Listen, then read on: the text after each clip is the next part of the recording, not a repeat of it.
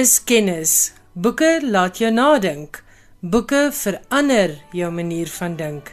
En met daardie woorde van die bekende skrywer Toni Morrison, goeienaand en baie welkom by nog 'n uitsending van Skrywers en Boeke hier op RSG. Ek is Elsje Salzwetel en in vanaand se program gesels ons kontry stories 'n oulike nuwe kinderboek wat van môre aand af op RSG uitgesaai word en ek gesels ook met 'n skrywer wat vra vir jou familie se stories uit die Anglo-Boereoorlog. Dis nou alles op die spyskaart voordat Johan Meiberg aan die beurt kom met sy internasionale insetsel waarin hy onder andere gesels oor die Nobelpryswenner wat verlede week aangekondig is. Maar kom ons skop af met die bundel kontry verhale daar uit Namakoland.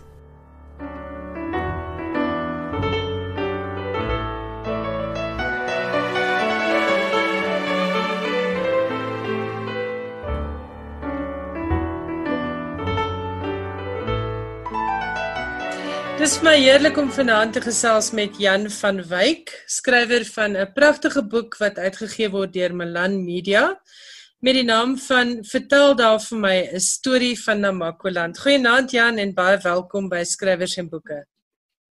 Goeienaand, baie dankie. Dit is lekker om hier te wees. Jan, jy is eintlik 'n regsgeleerde en jy het nou hier na 'n regsloopbaan besluit om 'n skrywer te word. Hoe het dit gebeur? Jong, die gedagte van dat ek myself 'n skrywer kan noem is nog uh, eintlik vreemd. Ek het maar net 'n storie vertel en in die proses skrywe gebruik om dit te doen. So ek ek sien my nog self nie as 'n skrywer nie. Maar ja, ek het nie meer gewerk nie en dan sit jy by die huis rond en jy doen nie veel nie en ehm uh, ek het oor jare heen het ek uh, die storieetjies begin aanteken gewoon omdat ek bang was die goed raak verlore. Uh en omdat dit vir my baie uh, vreugde verskaf het oor vir alles kind en later as groot mens ook. Ek is lief vir my wêreld, ek is lief vir my mense, ek is lief vir hulle stories, hulle vir dit het my vermaak. En uh toe het 'n vriend van my wat weet van die goed, het toe vir Milan Media op my spoor gesit en daarvan het die dinge momentum van sy eie gekry. So gevolglik ek het nie besluit om 'n boek te skryf nie. Ek het ehm uh, uh, so al vrywillig verplig uh as ek so kan stel daarin beland en maar nou dat dit gedoen is, uh, verskaf dit my vreugde. Dit dit dit verskaf vir my 'n lekkerte om te weet daar is die jy weet dis 'n is 'n tasbare produk uh, met 'n klompie stories in wat ek hoop soveel plesier bring vir ander soos dit vir my gebring het oor die jare heen. Jy het regtig vir 'n uh, talent. Ek weet nie hoekom het jy nie al vroeër in jou lewe begin skryf nie. Maar waar kom die liefde vir skryf vandaan of wanneer het jy besef jy kan eintlik skryf? Sjoe, nou vra jy my vas. Weet jy, kom ek stel dit so, stories het my nog altyd of of dinge, moet ek liewerster sê, goeters, so ons sommer van praat, het my nog altyd geïnteresseer en uh, jy weet die omgewing uh, in die dorpie waar ek groot geword het, is uit die aard van die saak maar redelik afgeleë en jy het net jou wêreld waarin jy bly en jou mense wat wat goed is. Daar's niks fout daarmee nie. Maar die wonderlikste ding wat ooit in my lewe gebeur het, is toe ek agterkom ek kan lees. Kom ek gee eers gou 'n treetjie terug. Ek is bevoorreg geweest om een van ses broers te wees en ek is die tweede jongste. Maar die gevolg is is dat as jy soveel ouer leermeesters het dat in die tyd wat jy se pa se beer rondkom dan is jy al redelik vaardig in lees en skryf natuurlik tot verontwaardiging van die juffrou want jy ontstig die klas en jy neem oor en jy's beter weterig en bekkig en so aan en so voort. Uh maar die punt is in daardie periode het ek toe agtergekom as die juffrou van ons stories lees dat daar is sulke mooi stories in daai boeke wat sy het dat ek wil nog van die boeke hê en hmm. dan begin jy nou lees en uh so ek is absoluut versot op lees. Uh Woensdae as jy uh, by die kosskool is dorp toe gaan as jy ander ouens winkel toe suiker suiker en biblioteek toe want die skoolbiblioteek het ek redelik vinnig klaar gemaak. En die rede is is dat jy weet lees en stories verplaas jou, vat jou weg, uh voer jou weg na plekke en wêrelde en goeters en dinge wat wat jy nog uh, jy weet jy hoor net daarvan. En en en dit is is amper soos in 'n 'n tweede vlak uh waar jy weet jy weet jy jou reële bestaan en dat jy amper 'n fantasie bestaan ook later wat uh, eintlik in hierdie boeke vervat is Daar's mos 'n sê ding wat sê 'n leser leef eintlik 'n duisend lewens. Ja, jy, jy vat sommer die lyf van 'n ander ou. As jy as jy nou reken dis 'n ou waarmee jy kan uh, identifiseer in sy sy denke en sy leefstyl en sy manier van van doen dan dan klim jy maklik in sy lyf en as dit die skim is wat 'n ou slaan op die kakebeen met 'n kopbeen merk op sy kakebeen dan is jy vir die duur van die lees van daardie storie is jy die skip. En dit natuurlik het neerslag gevind in opstelle en in redenaars en debatsverenigings en al die goed waarin jy deelneem uh hakkie nou maar aan hierdie nuut verworwe kennis soort van skryf moet ek vir jou sê op sy eie was maar nee kry want hulle het my bykans vrek geslaan tot standaard 6 toe toe agtergekom. hy skryf net anders lelik. Ek meen hy kan homself nie help nie. So toe het hulle maar opgegee op die besigheid. Maar dit het gereeld gebeur dat ek klaar as die onderwyser moes staan en dan maar lees wat ek geskryf het want ek ja, dis dis dit is 'n ellende. So ehm um, die wonderwerk was natuurlik 'n uh, 'n keyboard. Ek weet, Vaderland, mm. nou kan ek skryf en ek kan lees wat ek geskryf het, almal kan lees wat ek skryf en ek kan dit maklik regmaak ook. Ja, waar jy groot geword? Kamieskroon. Ja, Kamieskroon is my dorp en maar dit dit net tot sonder ek dink een van die storieetjies daar verwys daarna dat ons het net tot sonder 8 gehad uh later as jy natuurlik nou verder afgradeer. Maar in elk geval dan as jy nou staat ag klaar maak, dan is daar 'n bondel wat normaalweg garage toe gaan en anders is die een groot daak wat nou 'n uh, hoërskool gehad het en dan Springbok was die ander. En ehm uh, dan was daar nog van die grinder mense wie se wie se kinders gehele al uh Boland toe is. My broers uh, wat ouer as ek is is almal Springbok toe so toe ek net maar in daai se Engelsman sê in die slipstream het ek net nou maar agterna. Okay. En toe Springbok gematrikuleer. Wat is vir jou die belangrikheid van die storie vertel kuns? Want ons het almal groot geword byvoorbeeld met radio en boeke voor daar televisie was. So stories is vir ons generasie en die generasies voor ons nog verskriklik belangrik, maar ek wonder altyd hoe belangrik is stories se rol nog in die jonger gemeenskappe? Wat wat's vir jou die waarde van 'n lekker storie en hoekom is dit belangrik dat ons hierdie kultuur en tradisies nie verwaarloos nie?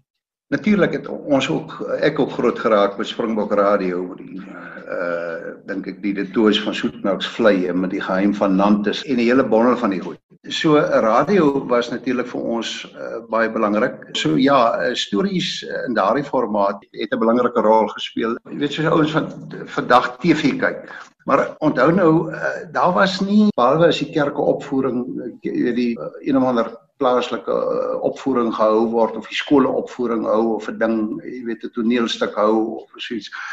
Was die primêre vermaak maar geselskap. Jy weet as jy nou 'n ou gevra het hoe dit gaan en sy vrou en kinders uh, en hoe die weer is en of sy skape lam en watter soort rooi kat vang nou weer waar of die jakkals verpes hom waar dan sien geselskap eintlik maar uit. So jy moet iets van jouself vertel, eh, 'n manier vind om om mense in jou vertel te vermaak, hulle te interesseer in wat jy vertel.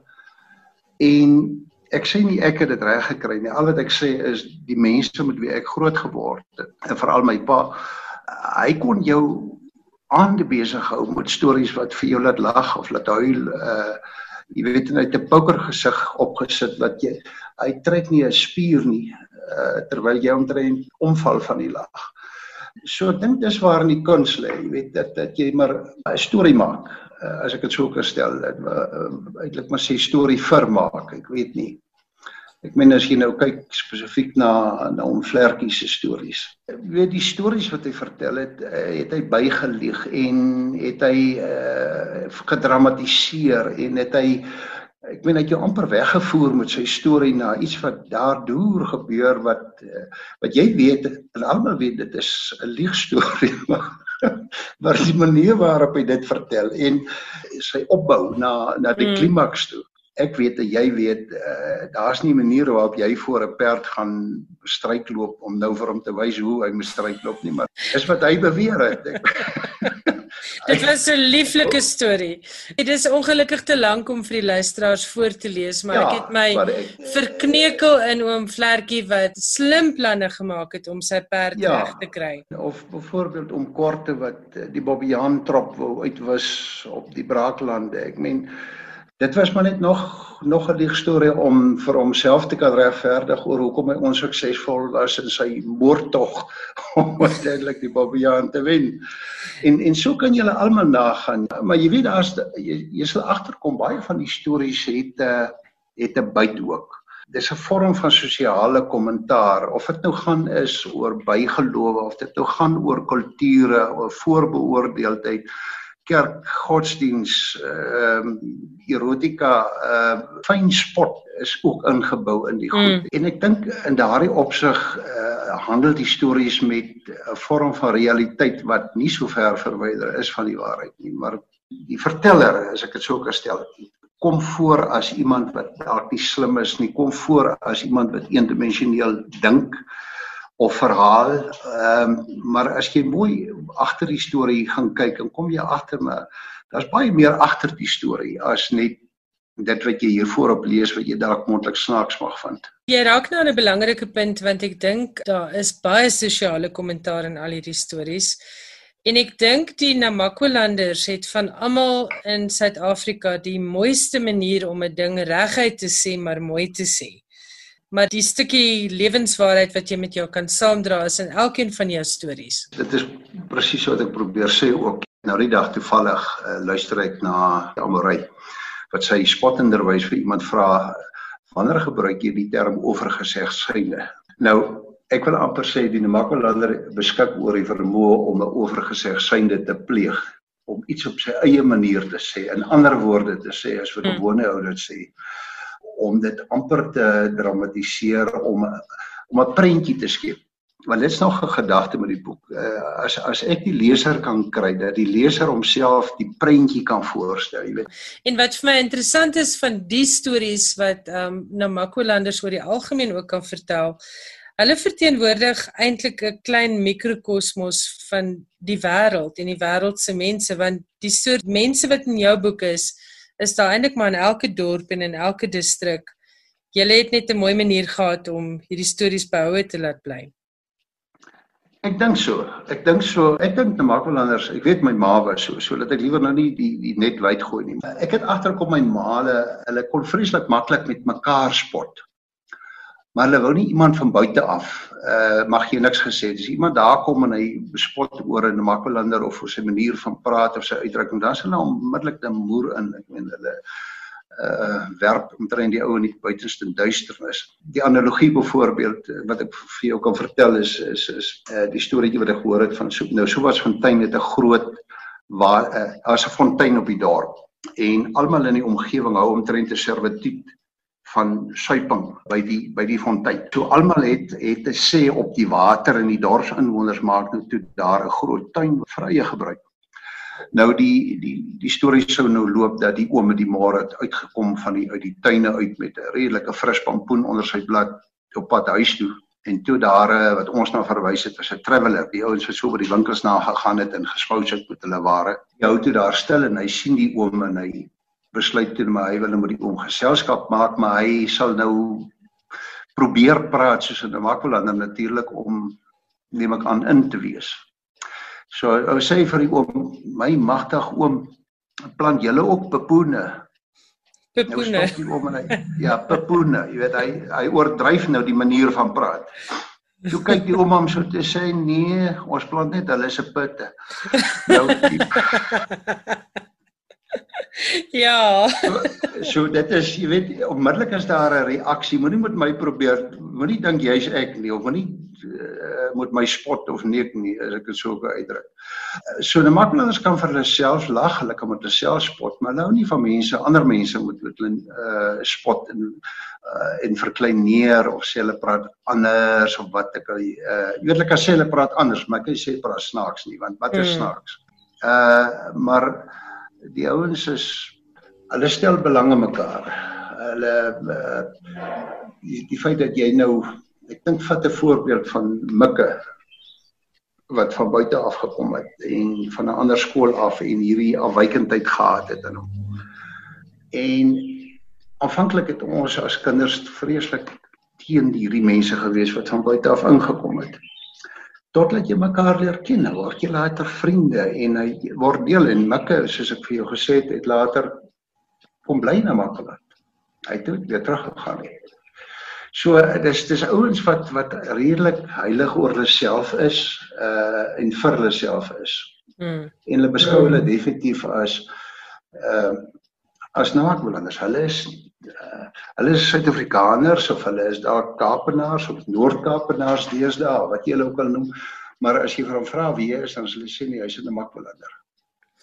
Jan, het jy al hierdie mense oor wie jy skryf self geken of is daar hier en daar ook stories wat jy nou maar so gehoor het? Kan so ver gaan asof jy te sê dat ek dink omtrent so 'n derde uh is mense wat ek van gehoor. Jy weet wat ek gesien het daar. Ek weet die oom, dis X, meneer X of oom X wat daar is. En dan sal ek by iemand 'n storie hoor oor oom X, maar ek het self nooit die storie met oom X beleef nie.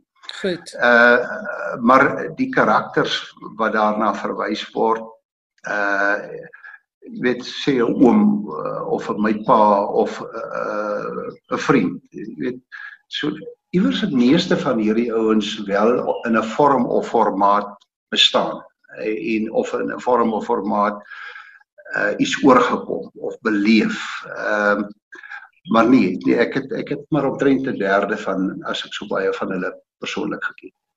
Gaan jy nog skryf? Is daar nog sulke stories wat jy vir ons gaan opteken? Daar ehm um, is seker nog omtrent so 30 titels wat daar lê by my op die rekenaar maar uh, as ek sê ek het nou met Milan Media ooreengekom kom ons plaas nou hierdie en dan kyk ons nou maar wat gebeur en as dit lyk asof dit iets is waarin mense belangstel dan kan ons die, die ander stories ook oorweeg.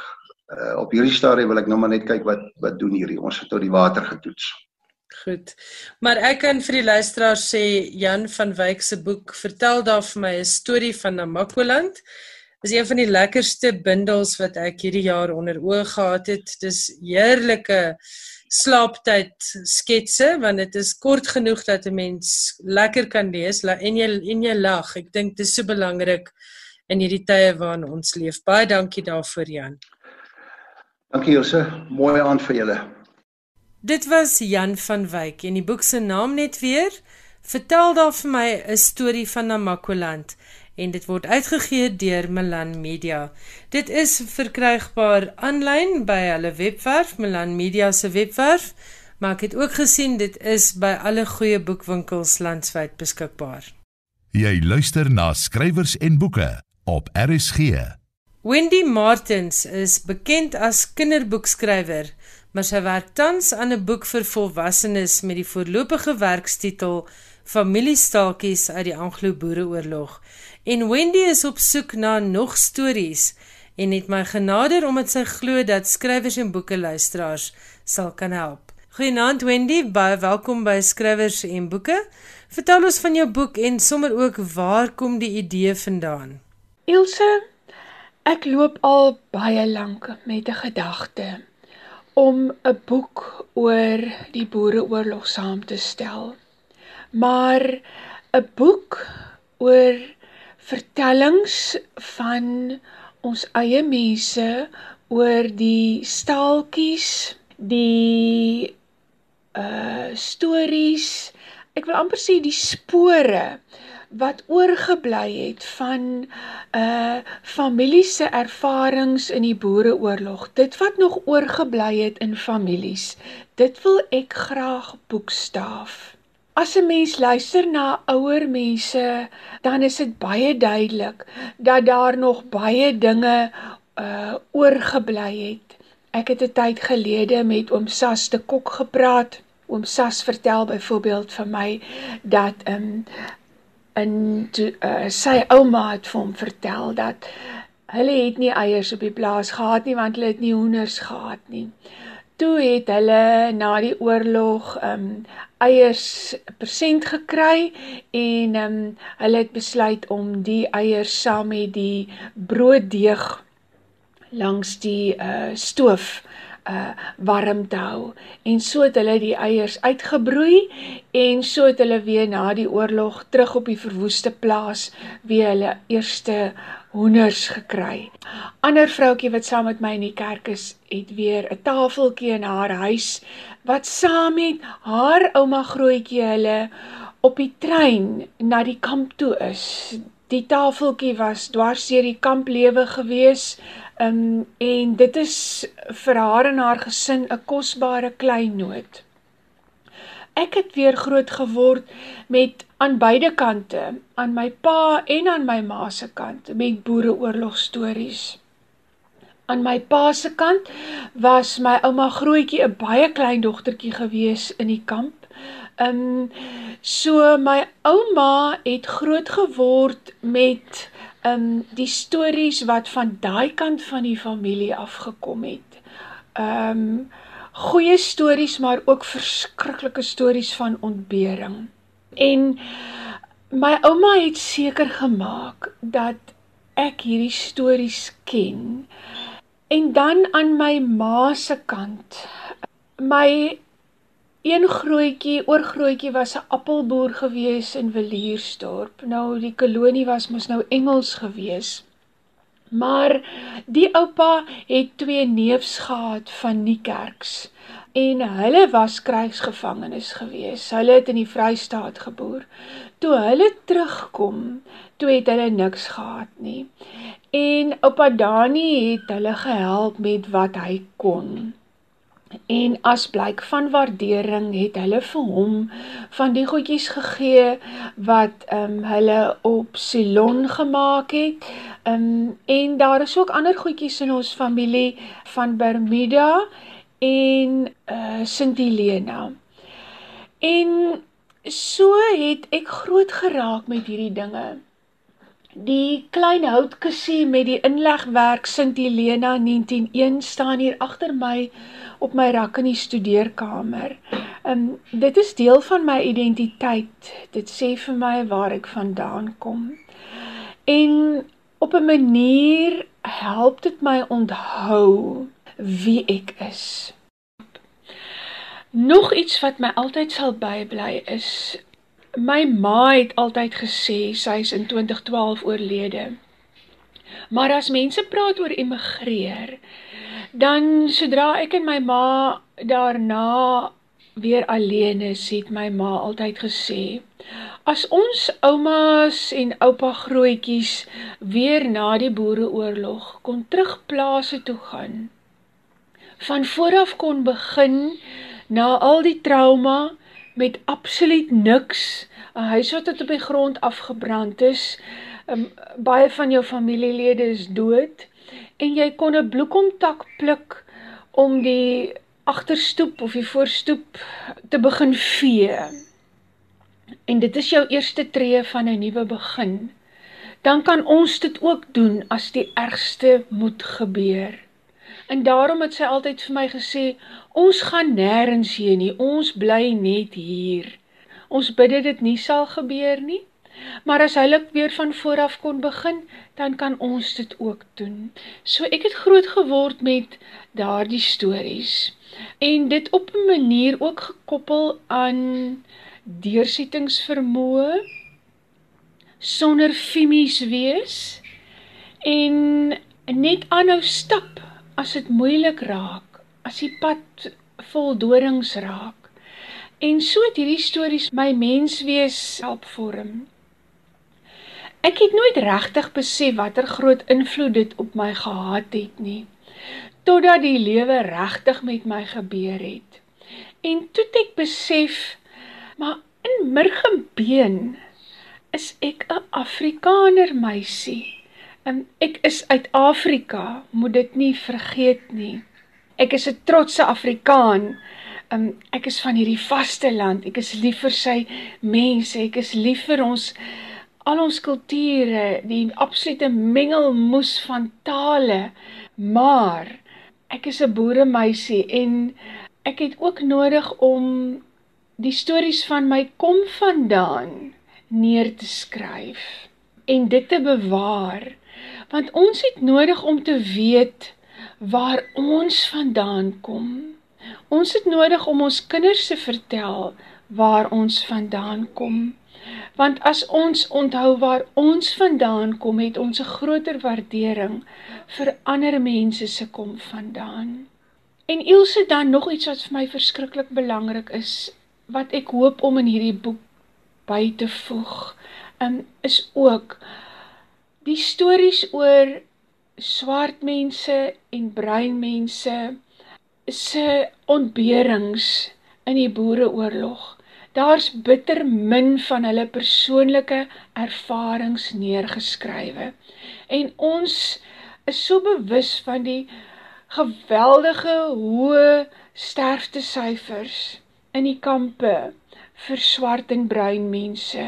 Hulle name is nie regtig uh, van boek gehou nie. Ek praat nou onder korreksie, maar die die ehm um, administratiewe werk rondom hulle kampe was nie op standaard gewees nie. So ek sal dit verskriklik waardeer as van ons brein en swart luisteraars my kan kontak met familieverhale wat nog um, in hulle families is. Nou watter soort stories is jy op soek? As ek nou praat van verhale, bedoel ek nie volledige stories nie. Ek beoog nie 'n bundel met 'n uh, volledige stories dat iemand nou 'n storie moet gaan neerskryf nie. Wanneer ek hierdie boek saamstel, wil ek letterlik ons land se mense aan die woord stel. As jy 3 sinne het oor wat jou ouma altyd vir jou gesê het en wat jou bygebly het en wat jy vir jou kleinkinders leer, dan wil ek graag daai drie sinne hê met jou naam en jou van en jou ouderdom. Dis al wat ek nodig het, want ek wil dit graag in daardie boek um, sit want dis deel van ons kultuurskat. As jy 'n verhaal het, stuur hom asseblief vir my aan. As jy twee paragrawe het oor iets wat jy in jou gesin het, wat jy koester, um, dit maak rechtig nie saak, hoe lang of hoe kort dit is nie. Ek wil letterlik die persone wat die bijdra stuur, self aan die woord stel in die boek ek gaan dit onder onderafdelings uh, kategoriseer en dit moet letterlik 'n weerspieëling wees van wat op die oomblik in uh Suid-Afrikaners se huise nog aan die voortleef is oor die boereoorlog. Ek wil graag benadruk Uh, 'n klompie mense het vir my fotostate gestuur um, van reeds uh, artikels uit reeds gedrukte boeke of artikels uit tydskrifte. Ek kan dit ongelukkig nie gebruik nie. Ek het mense se eie woorde nodig, soos wat jy dit vir jou kind sou vertel of soos wat jy dit vir jou buurman sou vertel of vir jou niggie of neef. Moenie bekommerd wees oor spelfoute of ehm um, punctuasie of enige iets nie. Skryf dit net uit jou hart en stuur dit vir my aan, dis die inhoud wat belangrik is. En dan wil ek graag hê mense moet gerus wees en weet hierdie stories is anderkant politiek. Dis anderkant verwyte. Ek benodig eerlike vertellings van wat in die op die oomblik nog in families behoue gebly het. In die proses wil ek graag focus um, op die menslike element, een soort celebration of the human spirit, en uiteindelik dit wat ons as Suid-Afrikaners sy gees so uniek maak. As iemand die boek neersit, wil ek hee moet hulle dink, sjoe, die menslike gees is daarom net ongelooflik. Ons almal weet, die hele wereld kyk na ons Suid-Afrikaners met ander oë. Hulle weet, ons kan wonderlijke planne maak, ons kan verskrikkelijk beklui ook, maar as ons saam staan, dan gebeur hier goed wat rechtig die wereld laat wonder en hulle oë laat rek en weet, hier gebeur goed wat ver ander kant een mense verstaan is Ek hoop om in hierdie boek tussen die woorde, tussen die bladsye, daardie iets te kan vasvang wat nie regtig in woorde sêbaar is nie. Dit lê eintlik in mense se harte. 'n Mens kan dit nie vasvang nie, maar dit kom saam met mense se woorde, dit kom saam met stories en dit lê in hy ekstra laag van weer probeer, van omgee, van van uitreik. Wendy, waar kan mense vir jou kontak as hulle stories het uit die Anglo-Boereoorlog?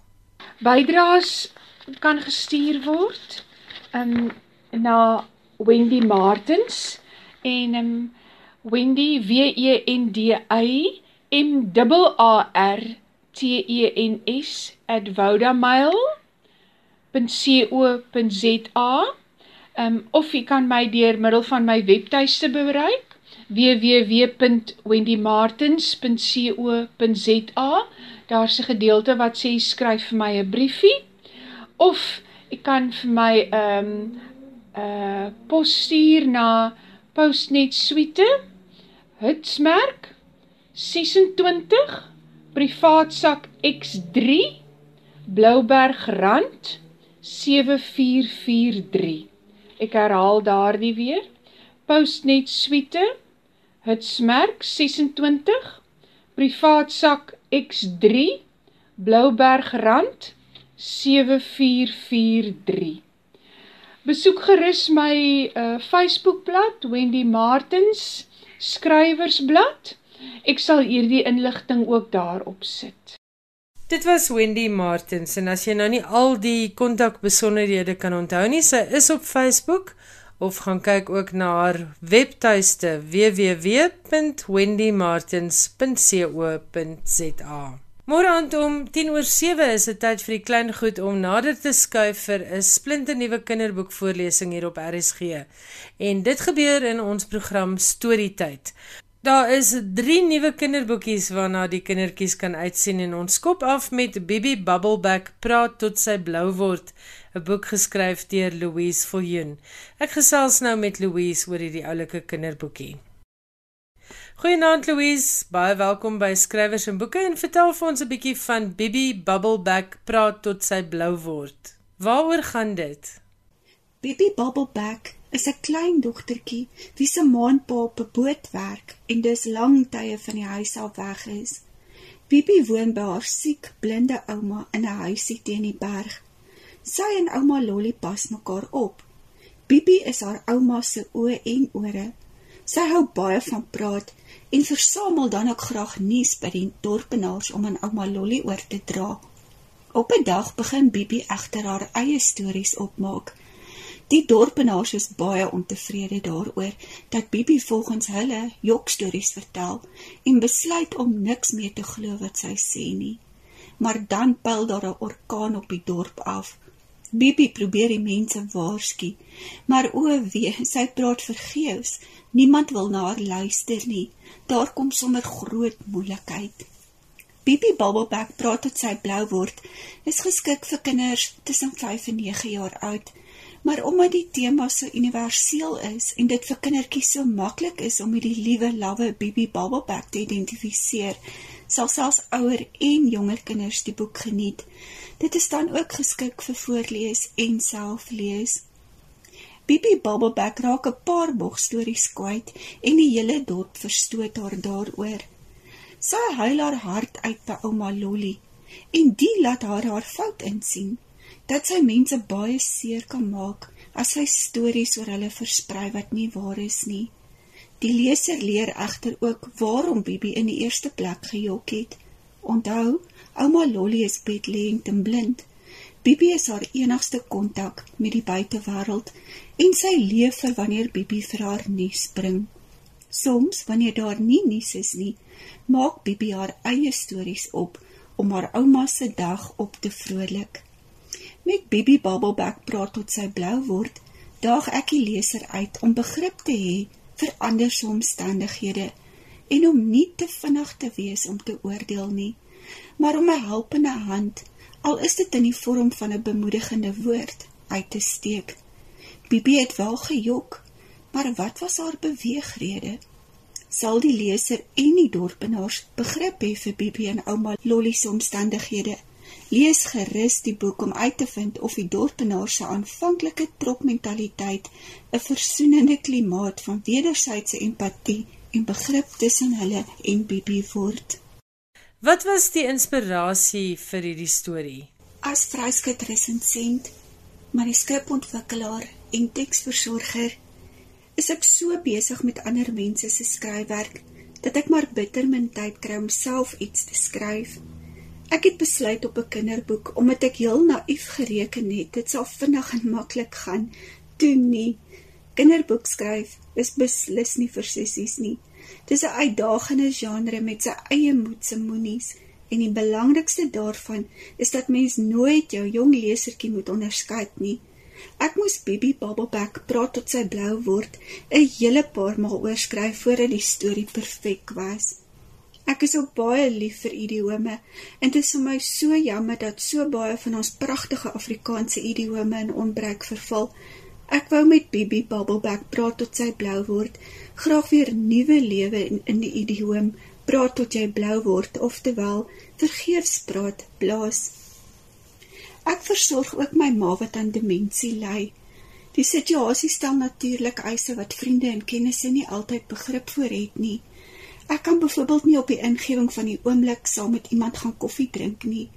Al staar Bibi soms verlangend na die dorp onder in die vallei, is sy bitter lief vir haar ouma Lolly en sy sal haar vir niks op aarde verhel nie. Net so, al is daar baie dinge wat ek noodwendig moes prysgee, onder meer my vryheid om te kom en te gaan en te doen wat ek wil en wanneer ek wil, is ek baie lief vir my ma en sal ek haar bystaan vir so lank dit nodig is. Met Bibi Bubbleback praat tot sy blou word, daag ek die leser uit om begrip te hê vir ander se omstandighede en om nie te vinnig te wees om te oordeel nie, maar om 'n helpende hand as al is dit in die vorm van 'n bemoedigende woord uit te steek. Lees en skryf was maar nog altyd van dit te kan onthou deel van my lewe. Ek was in graad 1 toe wen ek 'n pakerpen in 'n opstelwedstryd oor 'n prentjie van 'n kaggelvuur. Net daar het die skryfgog aan my gebyt en wou ek net heeltyd stories skryf. Op skool het die onderwysers altyd my opstelle in die klas voorgeles en dit het my natuurlik aangespoor om aan te hou skryf. Hoekom dink jy is lekker stories so belangrik vir kinders? Stories bring hoop, want dit ontvoer jou uit die hier en die nou wat soms aaklig kan wees en neem jou op reis na dikwels wonderlike en magiese plekke waar dinge beter is. Saam met stories kom moontlikhede en ander wêrelde. 'n Kind kan in die mees armoedige omstandighede in 'n plakkersit woon, maar die aardbol en die heelal deurkruis as 'n skatryk koninklike In Bibi Bubbleback se geval maak sy graag haar eie stories op wanneer sy vir haar siek blinde ouma vertel wat buite aangaan. Ouma Lolly maak staat op haar om al die nuus te hoor. Soms reën dit, maar dan sal Bibi vertel hoe lekker die kinders op die parkie speel. So het sy kleur gebring aan ouma Lolly se saai bestaan. Boeke prikkel die verbeelding.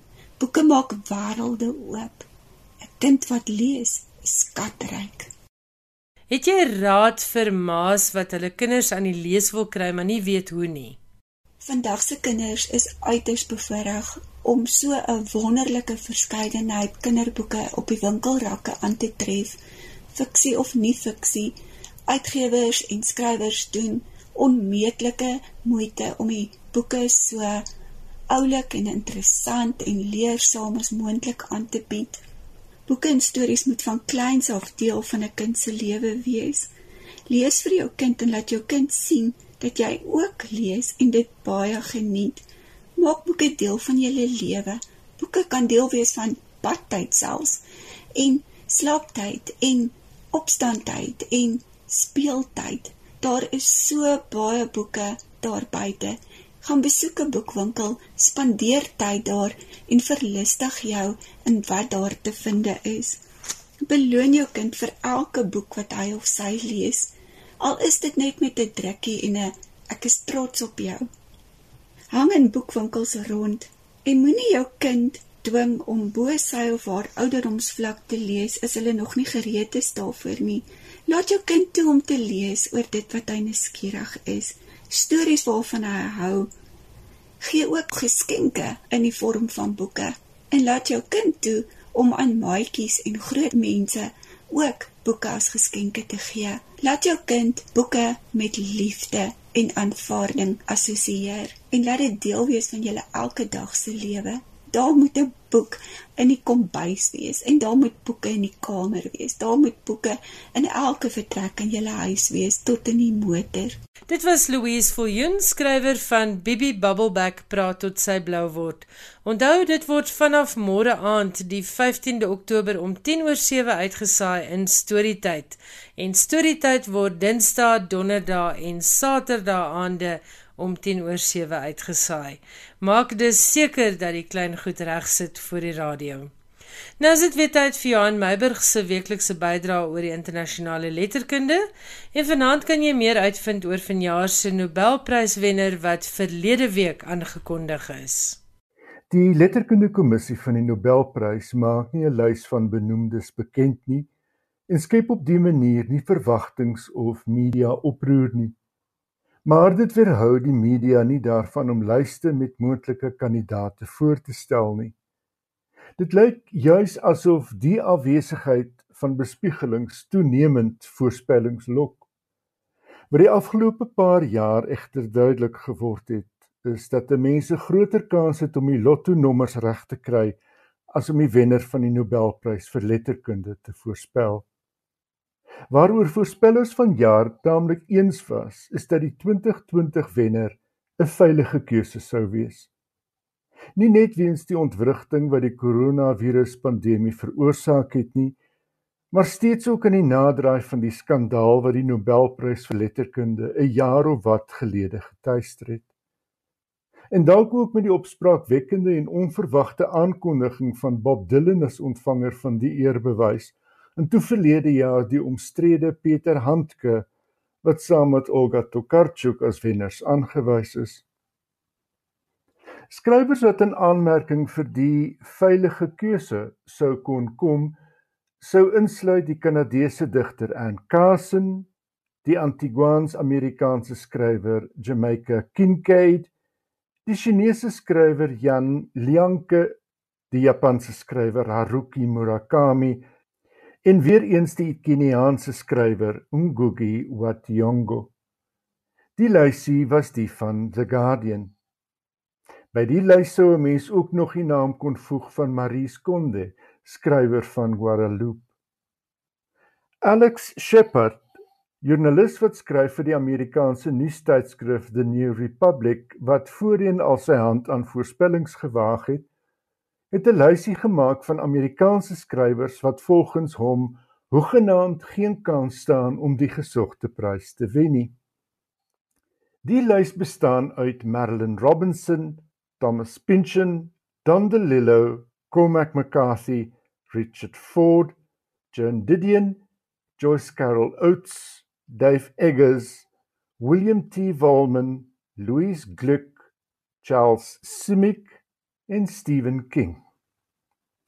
En toe is meneer Shepard weer verkeerd toe die Sweedse Akademie die Amerikaanse digter Louise Gluck as die wenner van die 2020 Nobelprys vir letterkunde aankondig. Shepard was voorheen so oortuig dat Dylan nie die Nobelprys sou wen nie, dat hy gesê het sou dit gebeur, is hy bereid om sy vernielplaat van Dylan se Blood on the Tracks op te eet wat hy intussen glo nog nie gedoen het nie. By monde van een van die eksterne kenners op die letterkundekommissie het die akademie nie die 77-jarige Louise Gluck as 'n veilige keuse gesien nie, maar gefokus op die kwaliteit van haar skryfwerk. Die verwysing na veilige keuse en hoe 'n mens Gluck se gedigte teen die agtergrond moet lees, het die afgelope naweek in heelwat besinnings na vore gekom. Die netjieste samevatting, meen ek, kom van Michael Schmidt, Griekse se uitgewer by Kakenet. Schmidt se interpretasie is dat die akademie gegaan het vir 'n digter wat op 'n manier esteties en verbeelding gewys, uitpas is met die tyd. Sy is nie iemand wat beels blaas vir 'n spesifieke saak nie, het hy aangevoer. Sy is iemand vir wie taal en haar plek in die wêreld belangrik is, sonder om polemies betrokke te raak of swaarde te kruis. Ek dink dis die aspekte wat die akademie bevestig het deur die prys aan haar toe te ken. Sy's 'n verhelderende digter met min politieke betrokkenheid, het hy gesê. Die akademie het in sy aankondiging Gluck aangeprys vir haar onmiskenbare poëtiese stem wat met somber skoonheid die individuele ervaring universele betekenis gee. Louise Gluck is in 1943 in New York gebore, het aan Columbia studeer en is steeds betrokke by Yale as buitengewone professor. Gluck se debuut Firstborn het in 1968 verskyn en met haar vierde bundel The Triumph of Achilles het sy in 1985 die National Book Critics Circle se prys verower. In 1993 het sy die Pulitzerprys gekry vir The Wild Iris wat die vorige jaar verskyn het. Vele pryse en vorms van erkenning het gevolg en vroeër vanjaar het sy ook die Tranströmer Prys gekry, genoem na die Sweedse digter Thomas Tranströmer wat in 2011 ook die Nobelprys gekry het. Hier lees Louise Gluck twee gedigte uit haar bundel The Wild Iris.